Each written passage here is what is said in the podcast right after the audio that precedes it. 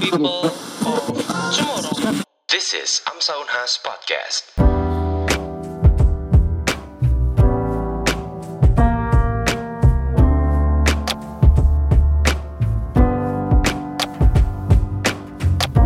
Greetings people of tomorrow. Halo teman-teman semua. Welcome back to Amsa Unhas Podcast.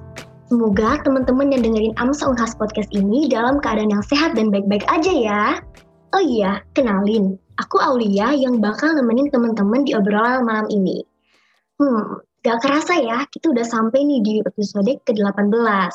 Kalau flashback dikit, di episode sebelumnya kan kita udah ngebahas sebuah topik dengan judul Embrace Leprosy, Stand Out the Negative Stigma yang dipandu sama Kak Alin Andika yang keren banget. Nah, kalau episode kali ini kita bakal mengangkat topik yang gak kalah menarik dong pastinya. Jadi topik ini adalah topik yang akhir-akhir sempat viral nih. Mungkin teman-teman sempat lihat di berita atau di media sosial, misalnya TikTok atau Twitter. Mungkin sempat baca tentang fenomena ini. Jadi, tema podcast kita kali ini adalah Husband Stitch, Is It Legal and Safe? Ya, jadi kita bakal bahas tentang Husband Stitch. Yang perlu teman-teman tahu bahwasanya prosedur dari husband stitch ini ada kaitannya dengan proses pasca salin dari seorang ibu hamil. Nah, apakah sebenarnya prosedur ini perlu dan wajib dilakukan? Kira-kira iya apa enggak ya? Hmm. Nah, mungkin teman-teman masih ada yang agak bingung gitu ya, merasa asing atau enggak gitu familiar dengan istilah ini. Nah, maka dari itu, malam ini kita bakal ngobrol bareng dengan narasumber kita supaya kita jadi lebih paham tentang fenomena ini. Apa sebenarnya husband stitch itu? Kenapa sih husband stitch bisa viral? Kok dianggap kontroversial sama masyarakat? Terus apa saja sih dampak yang ditimbulkan? Ya sebenarnya ada apa sih gitu? Nah, malam ini aku nggak sendirian pastinya dong. Aku bakal ajak teman-teman sekalian buat ngobrol bareng narasumber yang pastinya ahli di bidangnya. Beliau adalah Dr. Dr. Isyaria Sunarno, spesialis obstetri dan ginekologi konsultan. Teman-teman boleh panggil Dr. Ai.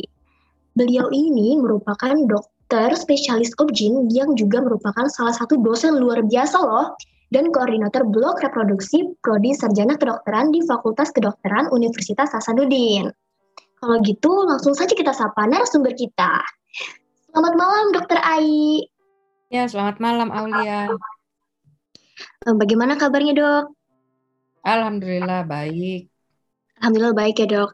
Nah, baik dok, seperti yang udah saya sampaikan tadi di awal, bahwasanya malam ini kita bakal ngebahas sebuah fenomena yang lagi viral, yakni husband stitch.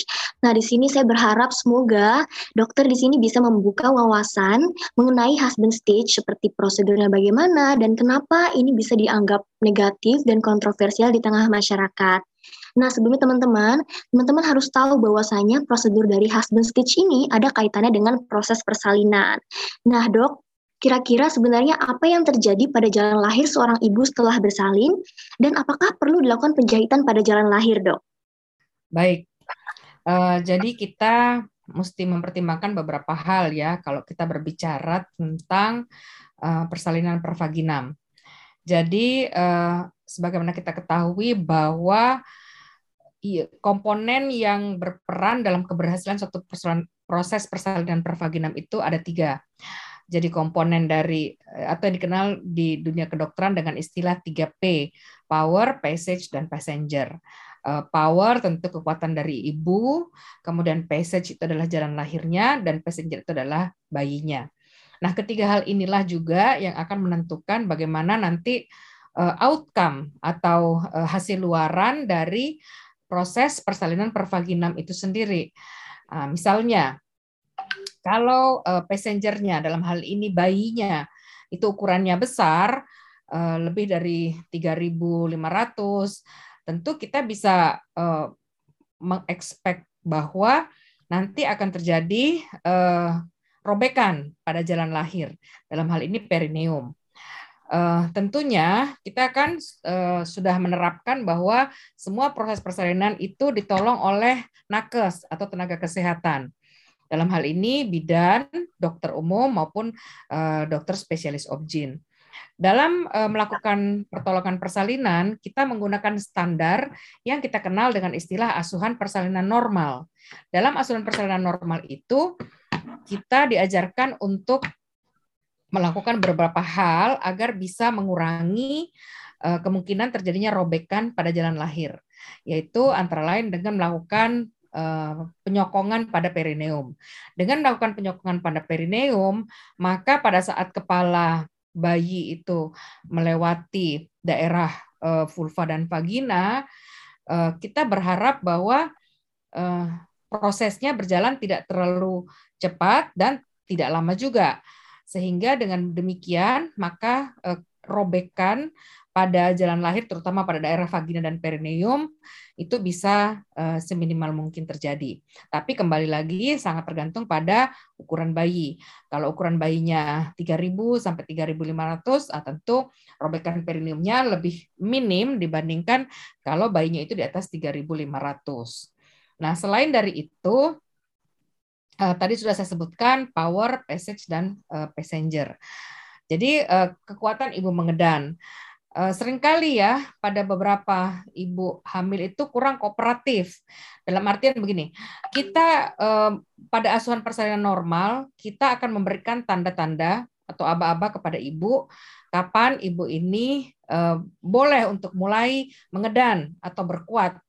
Nah, kalau ibunya kurang kooperatif, belum sampai pada tahap eh, kita memberikan instruksi atau aba-aba supaya dia berkuat, ibunya sudah berkuat berkuat duluan. Nah, inilah nanti yang akan menyebabkan bayi itu eh, cepat untuk dipush, untuk didorong keluar. Nah, sehingga akhirnya eh, timbul robekan di mana-mana. Jadi robekannya itu menjadi beberapa, bukan hanya satu saja, tapi bisa di beberapa tempat. Kemudian yang ketiga itu adalah jalan lahir dari ibu itu sendiri. Yang sering menjadi masalah itu kalau perineum, terutama pada primigravida ya, atau pada ibu yang baru pertama kali hamil dan akan melahirkan. Nah itu perineumnya sering kali eh, teraba kaku, belum lentur. Uh, untuk itu sebetulnya ada tekniknya. Jadi kita bisa melakukan episiotomi atau kita menggunting daerah perineum Eh, dengan ada tekniknya, yaitu kalau di Unhas kita menggunakan episiotomi eh, lateral eh, kiri, mediolateral kiri. Jadi tergantung dari center pendidikan masing-masing. Kalau di Unhas kita mengajarkan mediolateral kiri. Nah, dengan guntingan episiotomi yang ke arah mediolateral kiri itu, kemudian ditambah dengan tadi yang saya bilang sokokan pada perineum, maka sesungguhnya kepala bayi itu akan melewati vulva dan vagina dengan cara yang sefisiologis mungkin dan bisa meredam seminimal mungkin adanya robekan. Robekan yang disebabkan oleh karena guntingan episiotomi jauh lebih mudah kita perbaiki dibandingkan robekan yang terpencar-pencar di beberapa tempat. Jadi kalau robekannya hanya di eh, tempat kita melakukan episiotomi saja, selain dari tepi dari lukanya itu eh, apa namanya rata ya karena kita menggunakan gunting yang tajam, kemudian juga robekannya hanya di satu arah saja. Dibandingkan kalau kita tidak melakukan episiotomi, itu robekannya bisa sampai di daerah dinding atas vagina, eh, sampai di pinggir dari labia eh, mayus, nah, itu akan menimbulkan rasa nyeri yang luar biasa pada ibunya setelah kita melakukan penjahitan. Demikian kira-kira Aulia yang bisa saya paparkan mengenai uh, proses persalinan pervaginam dan dampaknya terhadap uh, jalan lahir ibu dalam hal ini jaringan perineum. Oh baik dok, jadi ternyata tentang penjahitan ini tuh tergantung dari robekan itu juga dok ya? Ya betul. Jadi kalau robekannya compang-camping ya kita punya istilah. Sebenarnya bukan compang-camping, tapi terjadi robekan di beberapa tempat. Nah, itu yang agak sulit. Dan satu lagi robekan yang mengenai daerah klitoris. Kita tahu bahwa di daerah klitoris itu uh, di situ banyak sekali ujung-ujung dari saraf sensorik.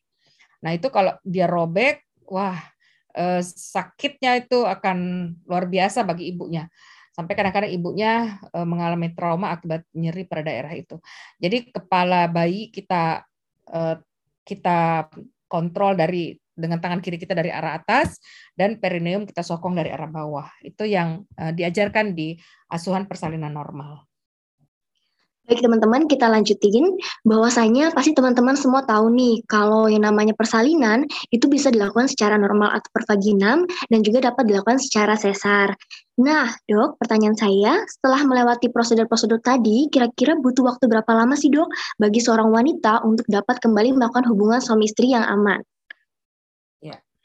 Baik. Uh, jadi jawabannya sebenarnya mudah sekali dan cuma satu jawabannya. Apakah persalinan itu terjadi dengan uh, pervaginam ataupun uh, melalui operasi seksio sesar itu sama-sama sama-sama memiliki masa nifas selama 40 hari.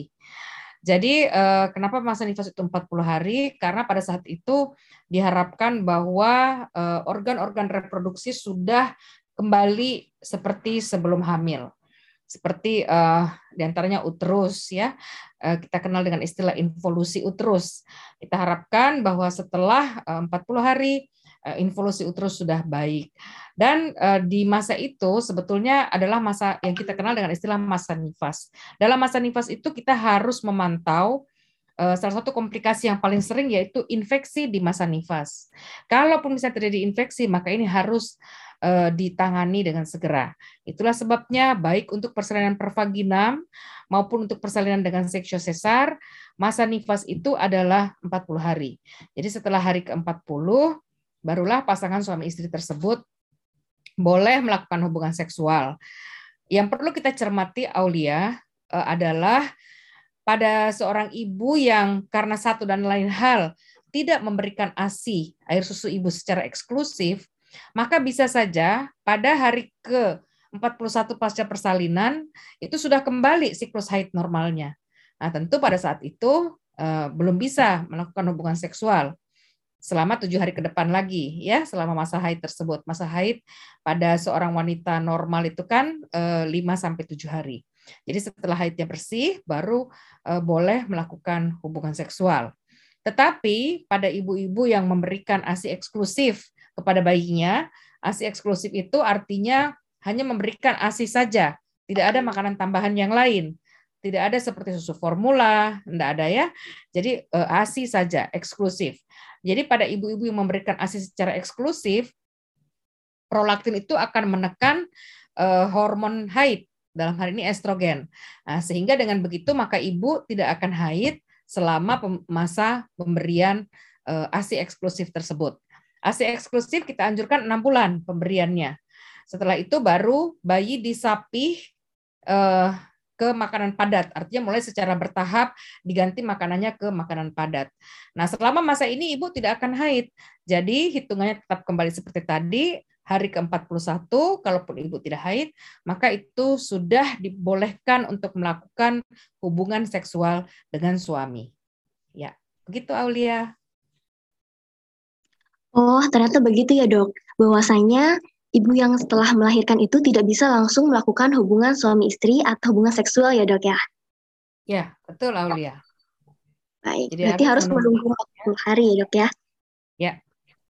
Baik dok, kita lanjutkan ke pembahasan selanjutnya, yang mana belakangan ini nih, lagi ada isu yang sempat viral dok, yang mana itu mengenai prosedur husband stitch yang dilakukan setelah persalinan. Mungkin dokter bisa sharing-sharing dok, sebenarnya apa sih husband stitch ini dok? Ya, baik. Sebenarnya uh, istilah husband stitch ini bukan hal yang baru ya. Dia sudah uh, dikenal sejak tahun 1950-an.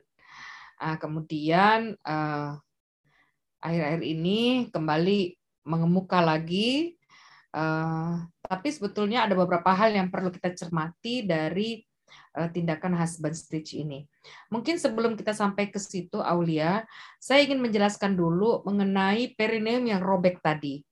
Jadi uh, apabila terjadi uh, robekan perineum, maka perineum itu harus kita jahit dengan tujuan yaitu yang pertama untuk menghentikan perdarahan karena kalau perineum robek tidak dijahit dia akan berdarah terus.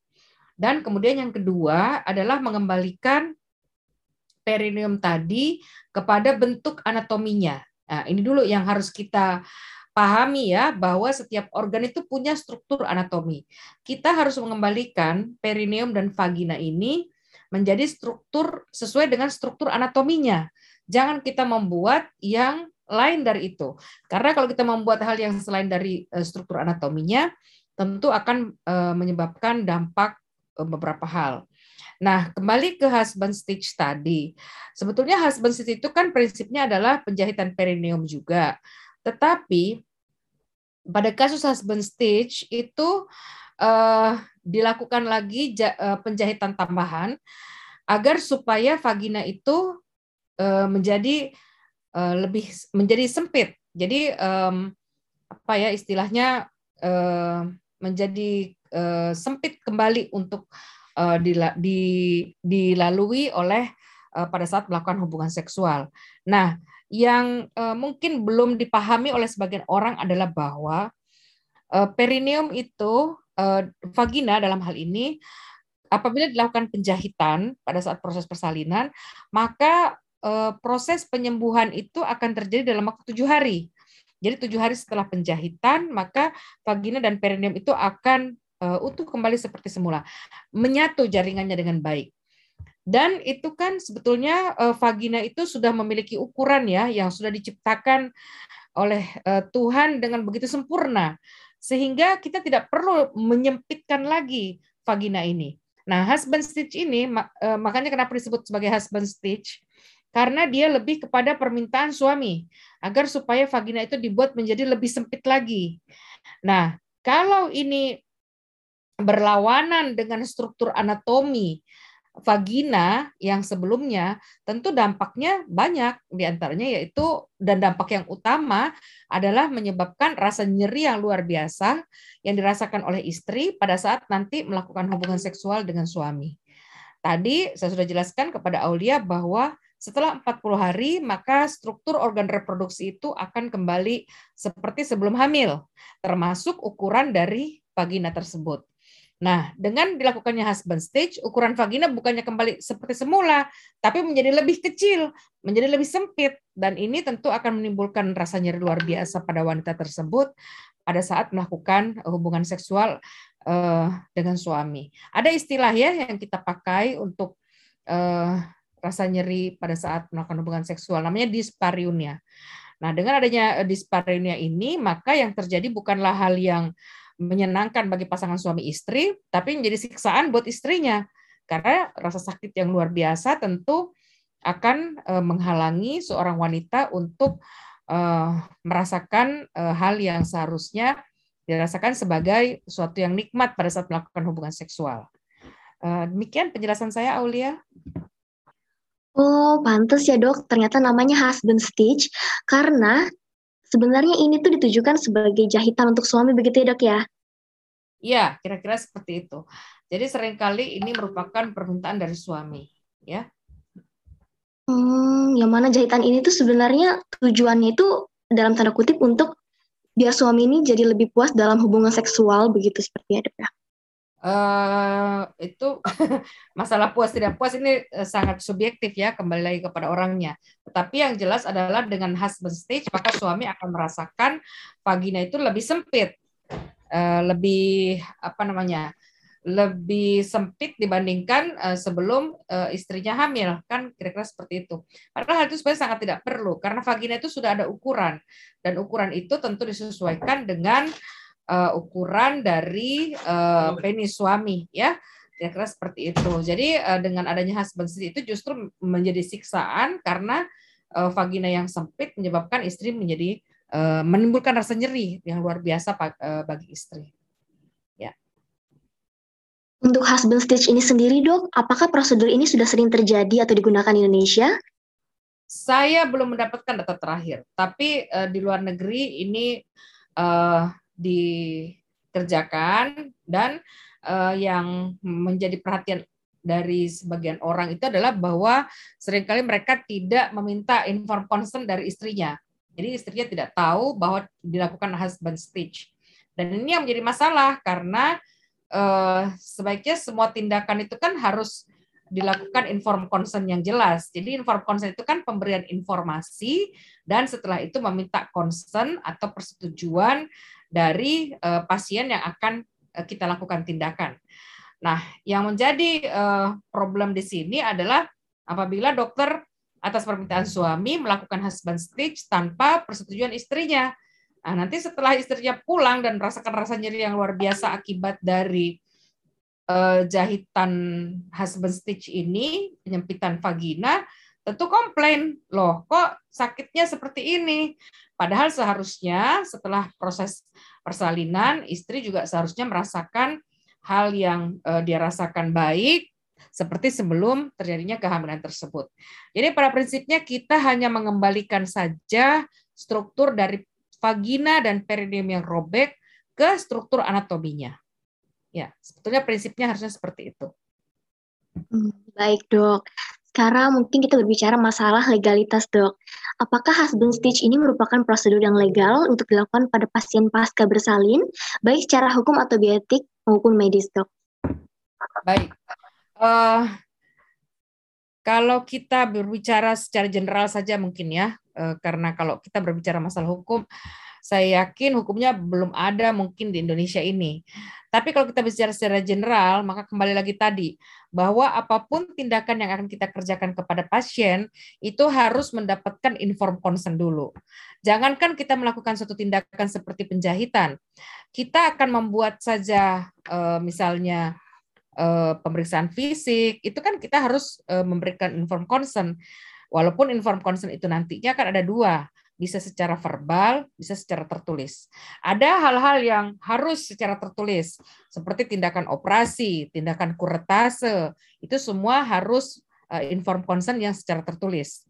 Tapi bisa juga inform consent secara verbal. Contoh, saya akan mau melakukan pemeriksaan pada jalan lahir ibu saya akan memasang spekulum di vaginanya ibu. Nah, itu saya harus meminta tetap memberikan inform consent walaupun secara verbal. Jadi tetap meminta persetujuan. Jadi tapi penjelasan dulu, inform consent, pemberian informasi dulu, setelah itu baru meminta persetujuan. Jadi eh, kita bisa bayangkan kalau kita melakukan tindakan tanpa tanpa persetujuan ibu dan yang lebih parah lagi tanpa memberikan informasi apa dampak dari tindakan tersebut. Dan dalam memberikan informasi, kita tidak boleh menutup-nutupi. Eh, misalnya kita mengatakan, jangan Mika kasih tahu deh bahwa nanti ini nyeri, nanti ibunya tidak mau. Nah, itu tidak boleh. Ya, kita harus berani memberitahukan bahwa Ibu kalau saya memberikan jahitan seperti ini, maka dampaknya adalah ibu akan merasakan nyeri yang berlebihan. Kemudian kalau jaringan tidak menyatu secara secara sempurna, akan terjadi komplikasi seperti infeksi misalnya, atau nanti eh, bisa terjadi fistula dan sebagainya. Itu harus diberikan penjelasan secara jelas dan uh, lengkap kepada ibunya. Setelah itu baru meminta persetujuan untuk kita melakukan tindakan tersebut. Jadi pada prinsipnya tidak dibenarkan melakukan tindakan apa pun tanpa adanya inform consent dari pasien kita. Ya, demikian Aulia. Baik dok, ternyata memang inform consent itu sangat penting ya dok ya dalam melakukan suatu tindakan. Ya, sangat penting. Betul. Sangat benar dok. Lanjut dok. Nah, kira-kira dok, apakah husband stitch ini termasuk ke dalam prosedur penjahitan atau perbaikan jalan lahir? Kemudian apa ada jenis perbaikan jalan lahir yang lain dok yang mungkin bisa lebih aman nih daripada husband stitch dok? Iya, baik. Jadi kalau kita kembali lagi tadi pada penjelasan saya di awal bahwa dalam suatu asuhan persalinan normal, penolong persalinan itu sudah dilatih untuk melakukan penjahitan perineum.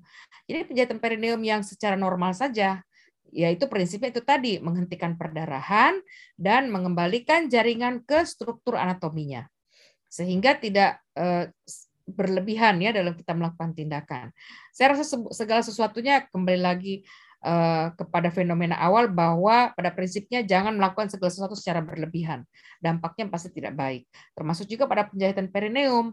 Jadi tidak perlulah karena kita merasa oh ini harus menjadi lebih sempit, ini harus menjadi lebih kecil. Apalagi kalau difikirkan oh iya ini sudah anak ketiga atau anak keempat, itu kan bukan hal yang eh, bukan hal yang menjanjikan bahwa dengan vagina yang sempit akan memberi kepuasan dalam hal seksual kepada pasangan suami istri tersebut. Jadi eh, kembalikan saja vagina tersebut ke posisinya atau ke struktur anatominya. Kadang-kadang orang yang melahirkan misalnya anak keempat, walaupun bayi dengan berat badan 4 eh, kilogram atau 4000 gram, itu kalau dengan sokongan yang baik dan ibu patuh pada eh, aba-aba yang kita berikan eh, untuk pertolongan persalinan tersebut, bisa saja jaringan perineumnya tidak robek sehingga tidak memerlukan penjahitan. Jadi kalau tidak ada yang robek ya jangan dijahit. Prinsipnya kan seperti itu. Karena kalau dia tidak robek pasti dia tidak akan berdarah. Jadi tidak perlu dijahit. Ya, demikian Aulia. Oh, baik, Dok. Nah, Dok, apa saja efek yang dapat ditimbulkan dari husband stitch ini dan apakah terdapat efek samping yang dapat membahayakan baik secara fisik maupun psikis bagi si ibu, Dok? Ya, baik. Uh, akibat psikis itu akan muncul dari uh, dampak fisiknya dan dampak fisiknya seperti sudah jelaskan tadi dengan vagina yang terlalu kecil maka ibu akan merasakan nyeri pada saat melakukan hubungan seksual dengan suami. Dari rasa nyeri ini akhirnya lama-lama ibunya akan merasakan trauma yang luar biasa dan akhirnya tidak ingin melakukan eh, hubungan seksual. Jadi kalau tadi awalnya niatnya adalah untuk memberikan kepuasan seksual, justru karena ibunya merasa nyeri, maka ibunya malah tidak mau melakukan hubungan seksual. Nah, inilah dampaknya. Jadi harus dipertimbangkan dengan baik sebelum kita melakukan tindakan husband stitch itu kepada ibu yang baru melahirkan. Kalaupun ingin dilakukan itu adalah atas kesepakatan bersama suami istri dan kita sudah memberikan informasi sebesar-besarnya, seluas-luasnya kepada ibu mengenai berbagai hal yang berhubungan dengan husband stitch ini. Kalau ibunya setuju, bersedia untuk menerima semua dampaknya ya silahkan dikerjakan. Jadi atas harus atas persetujuan ibu dan harus atas kesepakatan bersama dari suami istri tersebut. Ya, demikian Aulia. Oh, baik, Dok. Lalu, Dok, jadi begini, Dok, bahwasanya informasi mengenai husband stitch ini tuh masyarakat itu banyak menganggap bahwasanya tujuan dari husband stitch ini tuh untuk meningkatkan kepuasan saat melakukan hubungan seksual. Menurut dokter, apakah benar demikian, Dok? Iya, uh, hubungan seksu kepuasan hubungan seksual itu kan uh, seharusnya dari dua belah pihak, dari pihak suami maupun dari pihak istri. Jangan hanya dari pihak suami saja, karena kalau uh, seperti itu tentu tidak tidak terdapat uh, hubungan yang baik ya, yang timbal balik antara suami dan istri. Sehingga kalau uh, hal itu menyebabkan istrinya menjadi kesakitan ya buat apa dilakukan? Ya kan kasihan istrinya dan kemudian pada akhirnya nanti malah tidak ingin melakukan hubungan seksual lagi. Nah, saya kira pendapat saya seperti itu.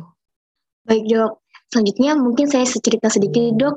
Waktu saya membaca di Twitter, saya menemukan sebuah utas mengenai husband stitch ini, yang mana di komentar itu banyak sekali ibu-ibu yang nimbrung buat menceritakan pengalamannya, bahwasanya sebagian besar husband stitch ini mereka dilakukan tanpa persetujuan dari ibu-ibu tersebut, tanpa adanya informed consent. Nah dok, pertanyaan saya, maka dari itu, kalau misalnya orang pasien ini tahu Apakah pasien ini dapat mengajukan penolakan atau ketidaksetujuan terhadap prosedur tersebut, dok?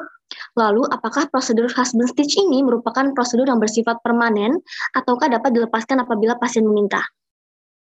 Ya, uh, jadi pada prinsipnya semua tindakan uh, bukan hanya husband stitch ya, semua tindakan medik, semua tindakan medik, apalagi itu berupa operatif yang akan dilakukan kepada seorang pasien, baik itu uh, minimal invasif ataupun yang invasif, itu harus ada inform consent, harus ada persetujuan tindakan, pemberian informasi dan kemudian persetujuan tindakan dari pasien maupun keluarga. Kemudian tadi mengenai pertanyaan apakah husband stitch ini bersifat permanen? Kalau sudah terjadi penyatuan jaringan perineum, ya tentu dia eh, harus dirobek kembali perineumnya dan kemudian dijahit kembali sesuai dengan struktur anatominya. Uh, jadi uh, seperti itu. Jadi akhirnya orang akan operasi ulang. Jadi padahal awalnya sebenarnya kalau tidak dilakukan husband stitch, hanya dilakukan penjahitan perineum yang normal saja, uh, sudah selesai, tidak perlu ada tindakan apa-apa lagi. Tapi kalau dengan adanya husband stitch, kemudian istri mengeluh, mengeluh terus, ya kalau dia tidak bisa melakukan hubungan seksual, tentu harus dibuka lagi dengan cara karena tadi sudah saya jelaskan perineum itu akan sembuh sempurna dalam waktu tujuh hari. Nah dengan itu setelah kalau melewati batas waktu tujuh hari tersebut, misalnya pasangan suami istri ini melakukan hubungan seksual setelah melewati masa nifas, jadi lewat 40 hari ya, artinya kan jaringan perineumnya sudah menyatu dengan sempurna. Nah, sehingga untuk itu ya harus diiris lagi, harus membuat irisan baru lagi, dan kemudian dilakukan penjahitan dengan jahitan yang uh, tidak serapat uh, jahitan pada saat melakukan husband stitch tersebut. Jadi kerja dua kali dan kasihan pasiennya karena menimbulkan morbiditas buat pasien. Ya, ya. Saya kira demikian Aulia. Oh, ternyata seperti itu ya dok. Baik, mungkin masih ada yang ditambahkan dok? Uh, sudah semua saya paparkan. Mudah-mudahan ada manfaatnya buat semua yang mendengarkan podcast ini. Siap, baik. Terima kasih banyak dok. Nah, teman-teman, tadi kita kan udah ngebahas banyak banget nih tentang husband stitch. Kayaknya teman-teman juga udah semakin terbuka nih wawasannya tentang kontroversi dari husband stitch ini. So, kalau aku boleh simpulin dikit, jadi husband stitch ini merupakan pemberian jahitan tambahan pada vagina atau jalan lahir ketika melakukan prosedur perbaikan robekan perineum setelah proses persalinan normal. Adapun tujuannya seperti untuk mempersempit vagina untuk menambah kepuasan seksual dari suami. Itulah mengapa disebut husband stitch alias jahitan untuk suami.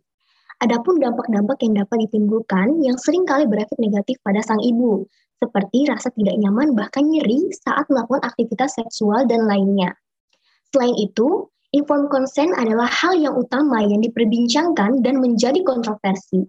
Karena berdasarkan beberapa kejadian, husband stitch tersebut dilakukan tanpa adanya consent atau persetujuan, bahkan tanpa sepengetahuan dari pihak perempuan, dan justru atas persetujuan dari suami. Mengenai legalitas pun, husband stitch ini dapat disebut ilegal karena tidak sesuai dengan prosedur medis yang semestinya. Dan pada dasarnya, husband stitch ini tidak begitu diperlukan, karena setelah melahirkan akan terjadi proses penyembuhan dan remodeling dari perineum tersebut. So yeah, that's a wrap buat episode kita kali ini. Terima kasih banyak buat Dr. Ayu yang sudah menyempatkan waktunya untuk berbagi ilmunya dengan penjelasan yang menarik dan informatif. Dan juga terima kasih buat teman-teman yang udah ngedengerin podcast ini sampai akhir. Semoga apa yang sudah kita obrolin tadi dapat menambah wawasan buat kita semua. Oh iya, sebelum Aulia pamit undur diri, Aulia mau ngingetin nih buat kalian yang suka dengerin konten mengenai kesehatan atau info dunia kedokteran, boleh banget follow kami Amsa Unhas Podcast di Spotify dan di Instagram @amsaunhas. Oh iya, aku ada satu pantun nih.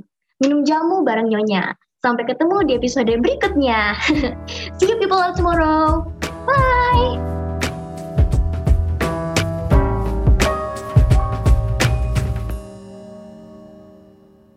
Thank you for listening to Amsaunhas podcast.